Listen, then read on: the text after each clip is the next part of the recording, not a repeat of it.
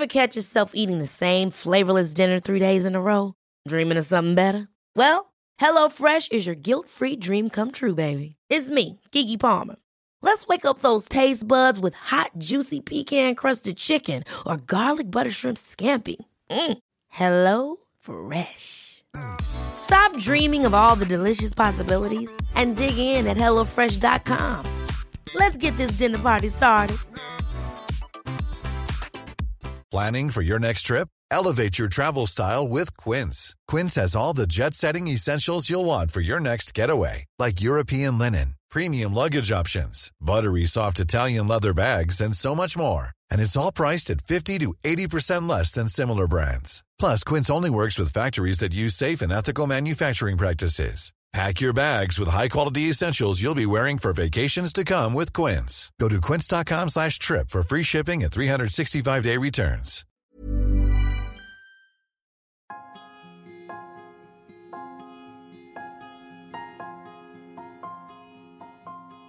رفعت عن مادتي وبلشت أحكي معها رح تغلبيني ولا رح أغلبك؟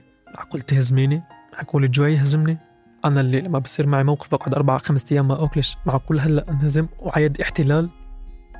ياما بالسجن مظاليم جملة سمعناها كتير بأفلام ومسلسلات مصرية وعربية بس كمان بيقولوا ياما بالحبس أبطال وبطلات وشجعان وشجاعات بس بعيدا عن العناوين العريضة كيف ممكن نفهم الشجاعة والبطولة؟ كيف ممكن نفهم الأشخاص اللي بيحاربوا بأجسادهم وأرواحهم وصحتهم لفكرة أو لمبدأ لمفهوم أو لوطن بيآمنوا فيه. والأهم من كل هاد هو شو اللي بيخلي المعدة تتحول لجبهة قتال بحارب فيها الشخص غريزته وجسده. شو اللي بيخليهم يستمروا؟ حب الأرض؟ الكرامة؟ الخوف من الهزيمة أو كلام الناس؟ يمكن شوي من كل هدول. ويمكن أشياء تانية مخبية جوا قلوب وأمعاء هالمحاربين. أنا سليم سلامة. بقدم لكم الموسم الخامس من بودكاست عيب من إنتاج صوت. بهالموسم رح نصغي لتجارب طبعت آثارها على ذواتنا وأجسادنا ولكن تم إنكارها لأنها ما زالت تعتبر بنظر المجتمع. عيب.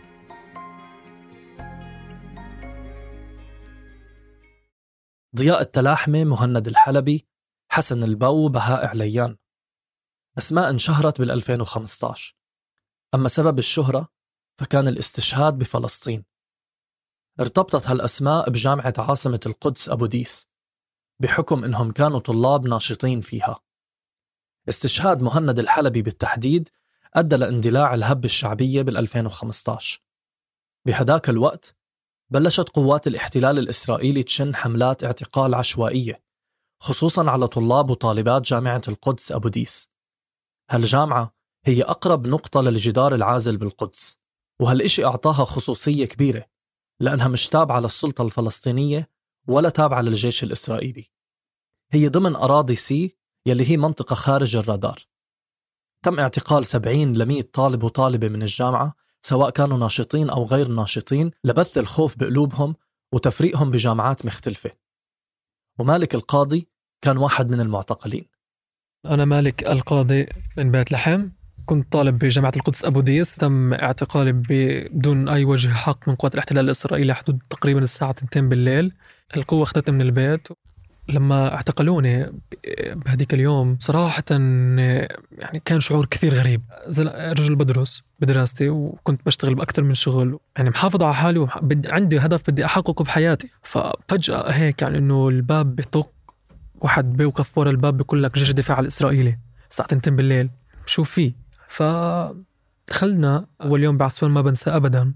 أول يوم بعسيون أنك أنت بمكان مركز توقيف يعني لا يصلح لما هو أقل من البشر. اعتقال مثل هيك غير قائم على تهمة فعلية يسمى بالاعتقال الإداري.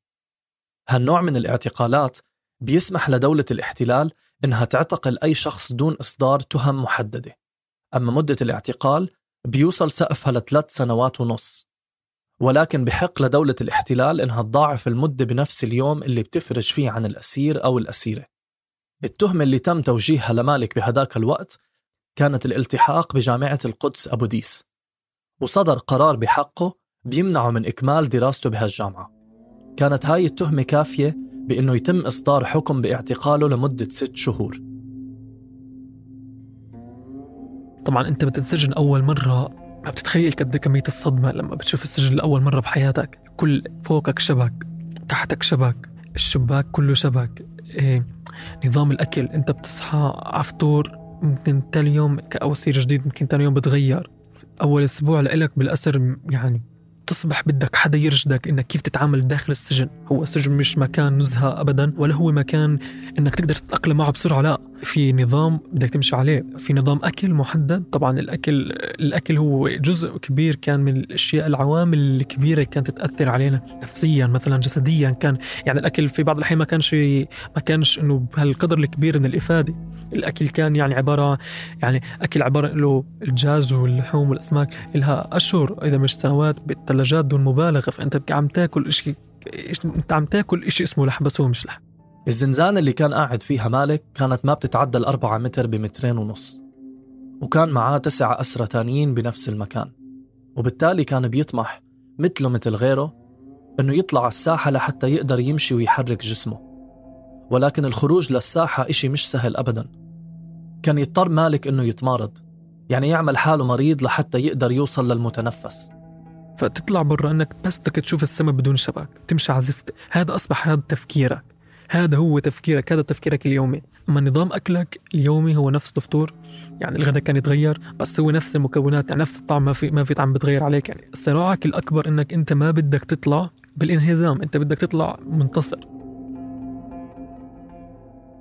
بعد شهرين من تواجد مالك بالحبس أصدرت محكمة الاحتلال قرار بتقصير مدة حبسه من ست شهور لأربع شهور. القرار يسمى بقرار جوهري أي غير قابل للتمديد. وبالعادة بيصدر بعد ما يتم تقييم الوضع الخارجي ووضع المعتقل. ببطء شديد خلص مالك المدة وإجا وقت الإفراج.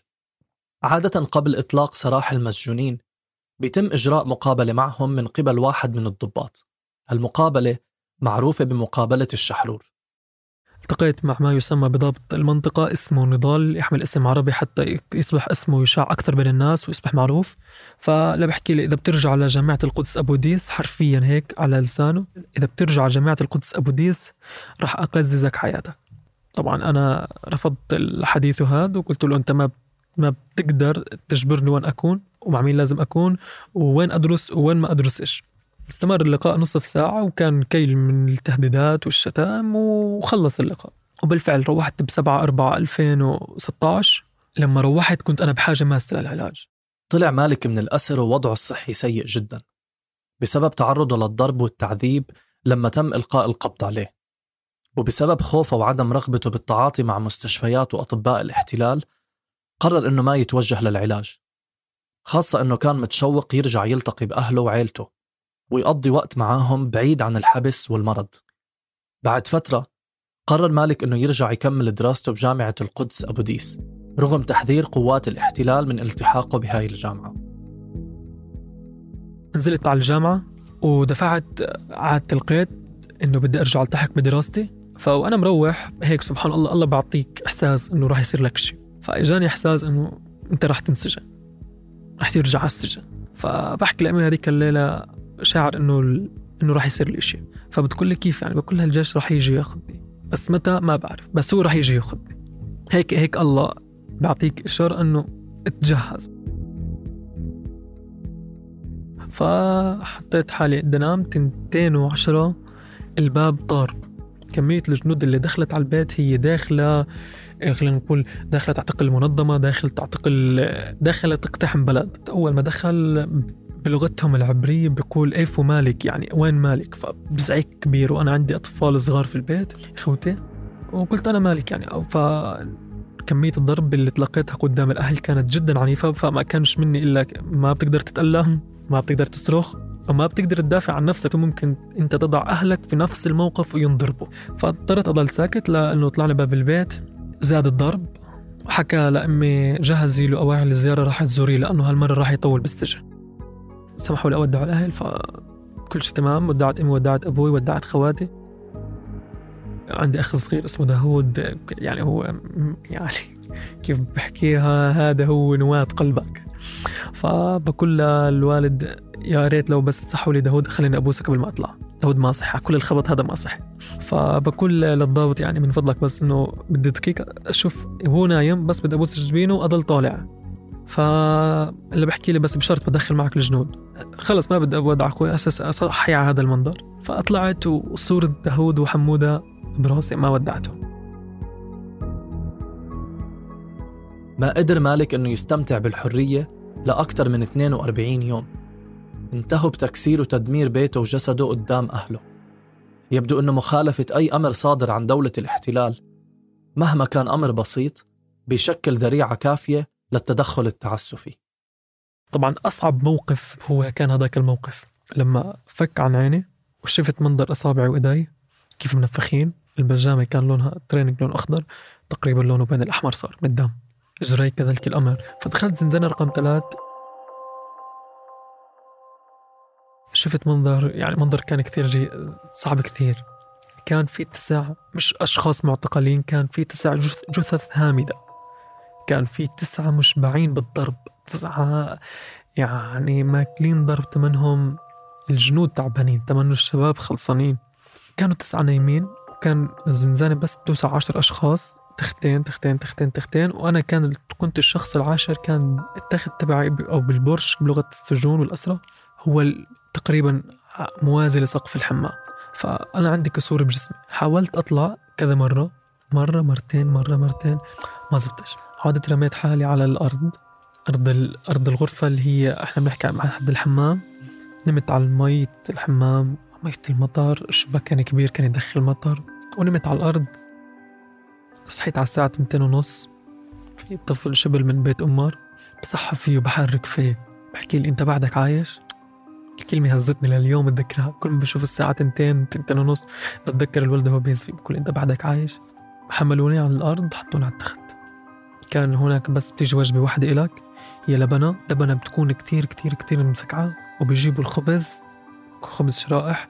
ما بتقدر تأكله لأنه بيكون بالفريزر بس أنت بتشيل اللب من جوا وبتأكل.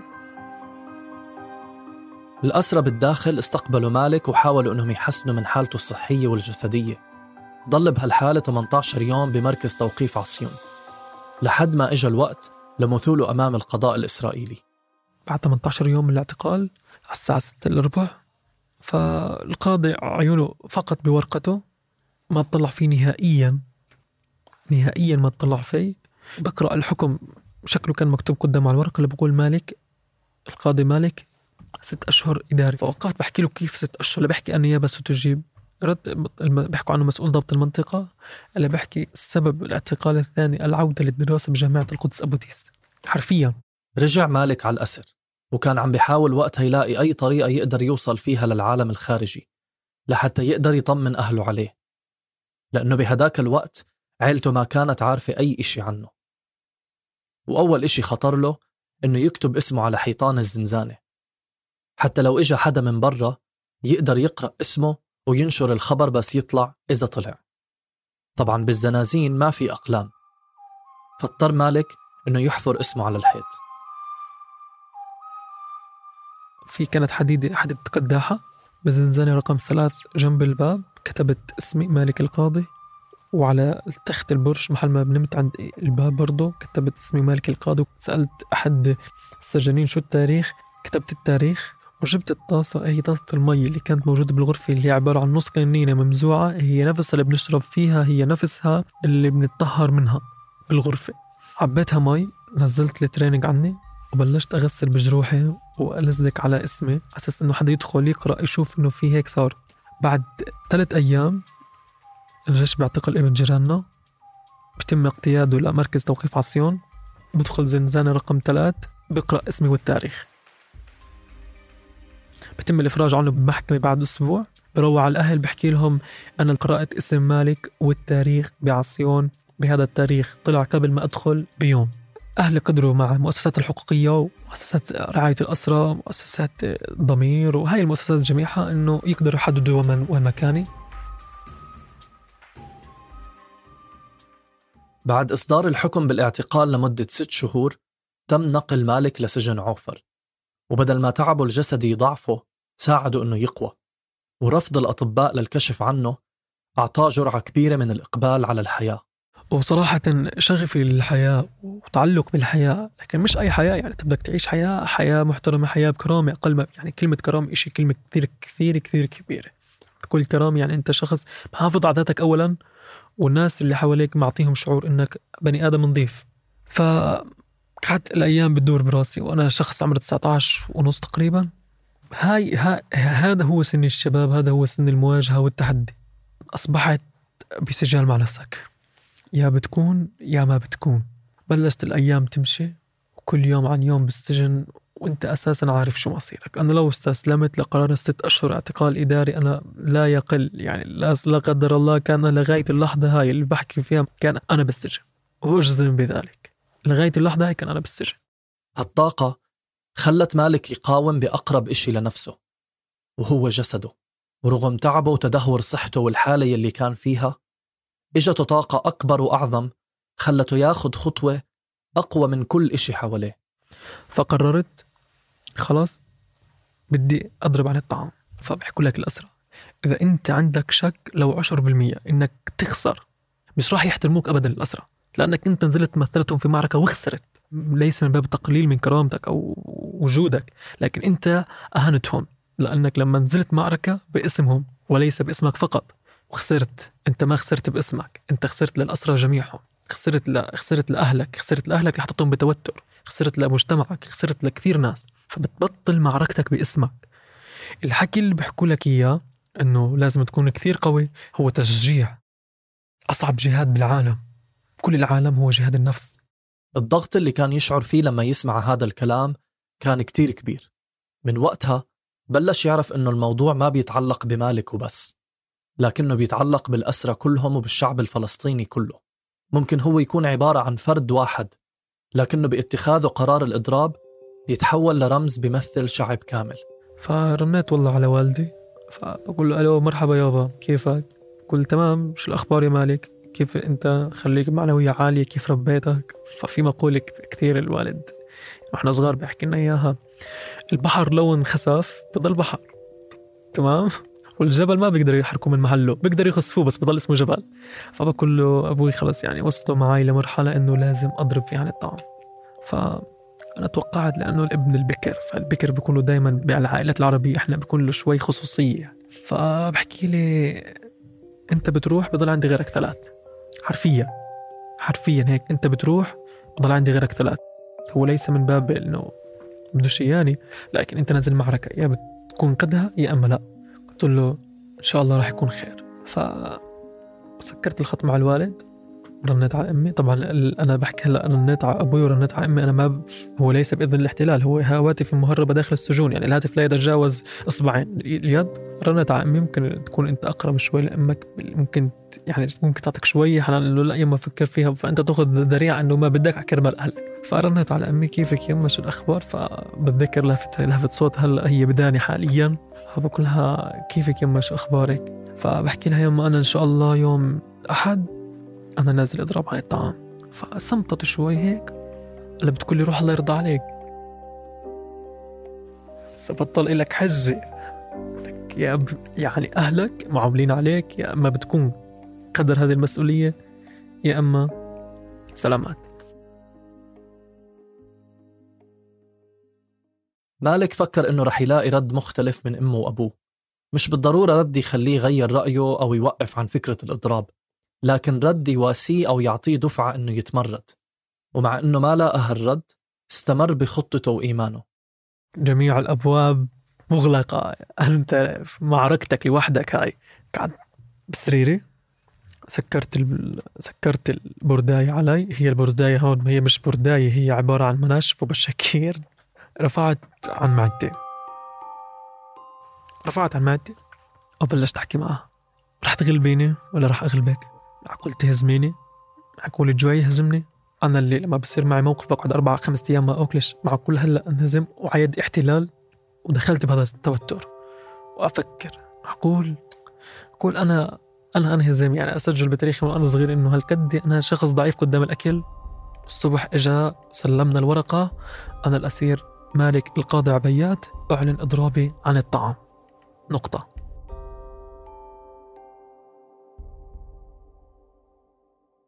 عادة بيتم نقل المضربين عن الطعام لزنزانة انفرادية كنوع من تهبيط العزيمة وهذا تماما يلي صار مع مالك بعد ما أعلن عن إضرابه. دخلت الزنزانة كانت أحد الصدمات الأولى. هي عبارة عن بالعرضها فحجة يعني من متر وطولها تقريبا فحشتين يعني مترين وداخلها حمام طلعت على الميزان 72 كيلو ضل 72 73 هذا المعدل. قبل الانتقال للزنزانة الانفرادية نصائح أصحابه الأسرى وأدعية أهله كانوا مرافقينه على طول. ولكن بعد ما انتقل للعزل صار مثل محارب وحيد. ما بيقدر يتواصل مع حدا إلا عبر مخيلته أو ذاكرته. محارب عم يستخدم سلاح ما بيعرف من وين رح يشحنه. أنت بتقاتل باسم عيلتك بتقاتل بشرفك بتقاتل بكل ما تملكه من كرامة. استمرينا بالأيام الأولى. على اليوم السابع كان بدأ العفن بالمعدة. طبعا ريحة العفن جدا قاتلة. وأنا شخص كنت مضرب عن الطعام وعن الملح. الملح هو يشيل العفن. أنا كنت ما أخذ ملح أشرب مي فكنت بحاجة ماسة لزيارة بدي أعرف كيف وضع أهلي. الأسرى كلهم سمعوا باسم مالك القاضي. الشاب يلي عمره 19 سنة ونص يلي عم بقاوم بجسده. يلي عم يقاوم لوحده بالأداة الوحيدة اللي بيملكها. مالك كان فاهم كل خطواته وعارف كيف يحارب الاحتلال بجسده. عن طريق الإضراب كان عم يحاول أنه يلوي إيد الاحتلال. عبر تحويل إضرابه لقضية رأي عام. استمر بهذا الأسلوب حتى بلشت مؤسسات مثل الصليب الأحمر وغيرها تلتفت له وتنشر خبر إضرابه. لكن بالنسبة له كانت هاي المواقف بتفرض مسؤولية على الاحتلال مش أكتر. كان مدرك تماما إنها معركته وحده. زيارات صليب زيارات مؤسسات طبعا هي بس الزيارة هو بس بيجي يعني بفرغ مسؤوليته لا أكثر ولا أقل لا بيعمل لك لا جديد ولا عتيق أنت فقط أنت ربان السفينة يا ما بتكون قد حالك يا ما بتروح عليك. طبعا وإنت بالسجن وإنت خصوصا مضرب عن الطعام. لو أكلة أكلتها وإنت وإنت ببستان أو روضة بتتذكرها لو طشة طلعتها بتتذكرها. كل إشي بتعمله وإنت صغير كل شيء بتتذكره. أصحابك أكلاتك أمك أهلك خواتك كل شيء كل شيء بتتذكره. فالأسرى شو صاروا يعملوا؟ صاروا يعملوا إضراب عن الطعام داخل سجونهم بترجيع وجبات الاحتلال الإسرائيلي. زاد كمية الضغط أصبح سجن عوفر قابل للانفجار. بعد إنه في شاب قاعد بيموت 19 سنة عمره 30 يوم 35 يوم ما وصل المستشفى. باليوم ال 48 دخل مالك المستشفى. بعد ما كانت حالته الصحية متدهورة وواصلة لأسوأ حالاتها اتدهورت بزيادة بسبب تغيير الجو على جسمه يلي كان بوقتها تأقلم على جو الزنزان المليان أوساخ وعفن. ومن وضع سيء وتعيس لمستشفى نظيف وصحي انعكست كل الأمور بجسمه. أصبح عندي تلوث بالدم بنسبة 99% وتلوث بالرئتين. 99% أصبحت يعني أنت فقدت رئتيك. فطبعا أنت لو توصل المستشفى أنت هيك أصبحت القائد الأول. أنت أصبحت من أنت يعني تقريبا قطعت 70% من الشوط تبعك. أصبحت أزيد كمية المي وصرت أخاف أنهم يأخذوا قطرات من بولي يحللوها. فصرت. طبعا طول الفترة هذيك كنت أقوم أمشي من من الزنزانة وأنا بالمستشفى للحمام. يعني بتحكي تقريبا عن 45 متر رايح جاي. كنت أمشيهم مشي. على رجلي أمسك بالدرب زين تبع الحياة وأضل ماشي أروح أتبول وأرجع تختي. واليوم ما أقدرش أروح فيه على الحمام في علبة مخصصة للبول أتبول فيها وأقوم أمشي أكبها أنا جوا المغسلة خوفا من أنهم يأخذوا عينة ويقوموا بتحليلها. قوات الاحتلال بتقوم بفحص بول الأسرى المضربين عن الطعام. هالفحوصات بيرفضها كتير من الأسرى لأنها بتساعد قوات الاحتلال يعرفوا عن حالتهم الصحية. يا إما بيحددوا مدى خطورة وضع الأسرى المضربين عن الطعام أو بيعرفوا كيف يتعاملوا معاهم لما يفوتوا بحالات طارئة للمستشفى. مالك كان واعي على هاي النقطة وكان بده يتجنبها. مش بس للأسباب الرئيسية اللي ذكرتها لكن كمان لإهانة العدو بأسلوب آخر. وللاحتياط أخذ مالك خطوة احترازية بتأكد له أنه رح يضل ثابت حتى وهو مش واعي. ومع هيك تم تجاهلها. وقعت على ورقة في حال تم توقف قلبي عدم تغذيتي قسريا عدم إنعاش مصلحة السجون لم تحترم هذه الإرادة ولأغذى قسريا عن طريق خمسة أماكن. فور دخولي للغيبوبة عن طريق منطقة أسفل البطن هون بقصد عند الأعضاء التناسلية. الوريد الأنف الفم الرقبة. بعض الأحيان من الجوانب. في كل مرة كانوا يعملوا لي فيها تغذية قصرية طبعا أنت تحكي عن تغذية قصرية هي هي مش إبرة. هي عبارة عن بربيج يتجاوز قطره خمسة ملي هيك. لسه بعدها أثارها واضحة تماما على جسدي تماما. توقف قلبي دقيقة واحدة. بعد ما تم حقني بمعدتي تم توقف قلبي للمرة الثانية. كان مستدعي أهلي قبلها بساعات لأنه شاك كانوا شاكين أنه راح يصير له شيء راح يفارق الحياة. فأهلي عندي بالغرفة واللقطة موثقة بالفيديو. أمي كانت تحاول تاخذ لقطات تطلعها للناس تطلعها للإعلام بوقف قلبي. وقف قلبي للمرة الثانية لكن كانت 30 ثانية 25 ثانية بهذا المعدل. بعدها باليوم ال 66 توقف قلبي للمرة الثالثة اليوم ال 67 توقف قلبي للمرة الرابعة. إحنا بنحكي هون عن دقيقتين و36 ثانية حسب وزارة الأسرة ووزارة الصحة الفلسطينية. وبعد ما صحي مالك من الغيبوبة كان أبوه على يمينه وأمه على شماله لكنه ما ميزهم أبدا. والسبب ما كان بس لضعف ذاكرته بهديك اللحظة بل لأنه هم اثنين كانوا فاقدين وزنهم بصورة أذهلت مالك تغيرت أشكالهم وضعفت بنيتهم. ومع هيك لما فات الشرطي على غرفة المستشفى وسأل أم مالك تقنع ابنها بتعليق إضرابه عن الطعام رفضت تماما ورجعت القرار الكلي لابنها. ورجعت أضربت عن المي. باليوم 73 واليوم 74 نتيجة تعاملهم إنه بيحاول يلعب على وتر إنه أنا حدا ضعفت. بدي أبرهن له إنه أنا قوي من خلال إضرابي عن المي. لا بحكي لي مالك أنت بكرة؟ مروح لبيتك. بكرة هو الأحد. فقلت له اليوم اليوم بدي أروح يوم السبت ولا راح أضل مضرب عن المي. فعليا كان إضرابي عن المي هو إنهاء للحياة. بهاللحظات ممكن كان من الصعب إنه ما يفكرش مالك بالمي أو بالأكل. لكن لا. ما كان في إشي بالدنيا رح يبسطه؟ قد ورقة الاي 4 اللي استلمها بهداك اليوم. ورقة مليانة أختام. ورقة الحرية. صفعة كبيرة للاحتلال الإسرائيلي لمخابراته لمصلحة السجون إنه أسير فلسطيني بروح يوم السبت بيوم عطلة الكيان الإسرائيلي بدون ما يوفي حكمه القرار الإداري اللي هو ست أشهر.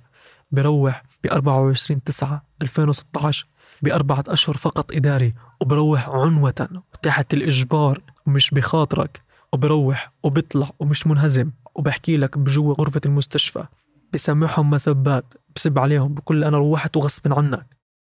هاي اللحظات هذيك أقسم بالله إني لما مسكت الورقة وخنعت الرتب الإسرائيلية إني قادر أوقف على رجلي وأمشي. ورغم كل التغذية القصرية ورغم إنه وزني وصل 36 كيلو شعرت يعني أعظم لحظات بحياتي يعني عمري هسه 24 سنة تقريبا أعظم لحظة بحياتي. وأنا طالع ورافع شارة النصر من الغرفة مش مكسور طالع منتصر. نشوة النصر إشي كبير كبير جدا.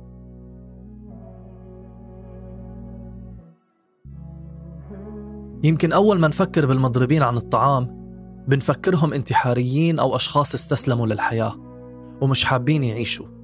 ويمكن صعب نفهم كيف إنه أم أو أب ممكن يشجعوا أولادهم وبناتهم على هيك قرار وممكن نحكم عليهم كمان إنهم ما بحبوهم. بس فعليا إذا أمعنا النظر أكتر شوي رح نلاحظ إنه المقاومة تحمل جواتها مفارقات عجيبة وتناقضات صعب نلاحظها من أول نظرة.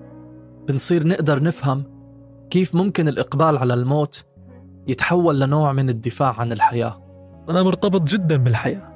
وأكثر ما بتتصور أكثر من أي حدا قاعد بمكان مفتوح وعنده كل الإمكانيات. لكن أي حياة؟ حياة بدون كرامة ما بدي إياها. جسدك هو مرآتك. يعني هو بيعكس شخصيتك بيعكس مين أنت. أنا بفضل إنه أعيش بإعاقة ولا بيوم من الأيام أحكي لأولادي ولا أحكي لأخوتي ولا أحكي لأهلي أهل بيتي أقول ولا أنا والله انهزمت. لا لا أنا بفضل أعيش بإعاقة. إذا كان لابد من الإعاقة لابد من إنك تعيش بعيش بكرامة. حياة بدون كرامة ما بدي إياها.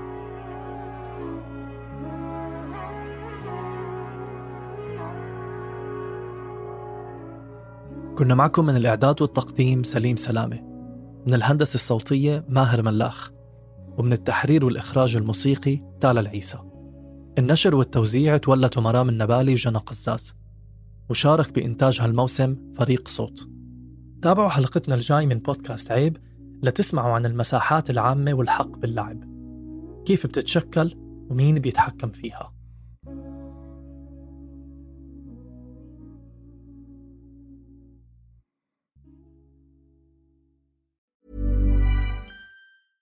Hey, it's Paige DeSorbo from Giggly Squad. High quality fashion without the price tag. Say hello to Quince. I'm snagging high-end essentials like cozy cashmere sweaters, sleek leather jackets, fine jewelry, and so much more. With Quince being 50 to 80% less than similar brands. And they partner with factories that prioritize safe, ethical, and responsible manufacturing. I love that. Luxury quality within reach. Go to quince.com slash style to get free shipping and 365 day returns on your next order. Quince.com slash style. Mom deserves the best, and there's no better place to shop for Mother's Day than Whole Foods Market. They're your destination for unbeatable savings, from premium gifts to show-stopping flowers and irresistible desserts. Start by saving 33% with Prime on all body care and candles. Then get a 15-stem bunch of tulips for just $9.99 each with Prime. Round out Mom's menu with festive rosé, irresistible berry chantilly cake, and more special treats. Come celebrate Mother's Day at Whole Foods Market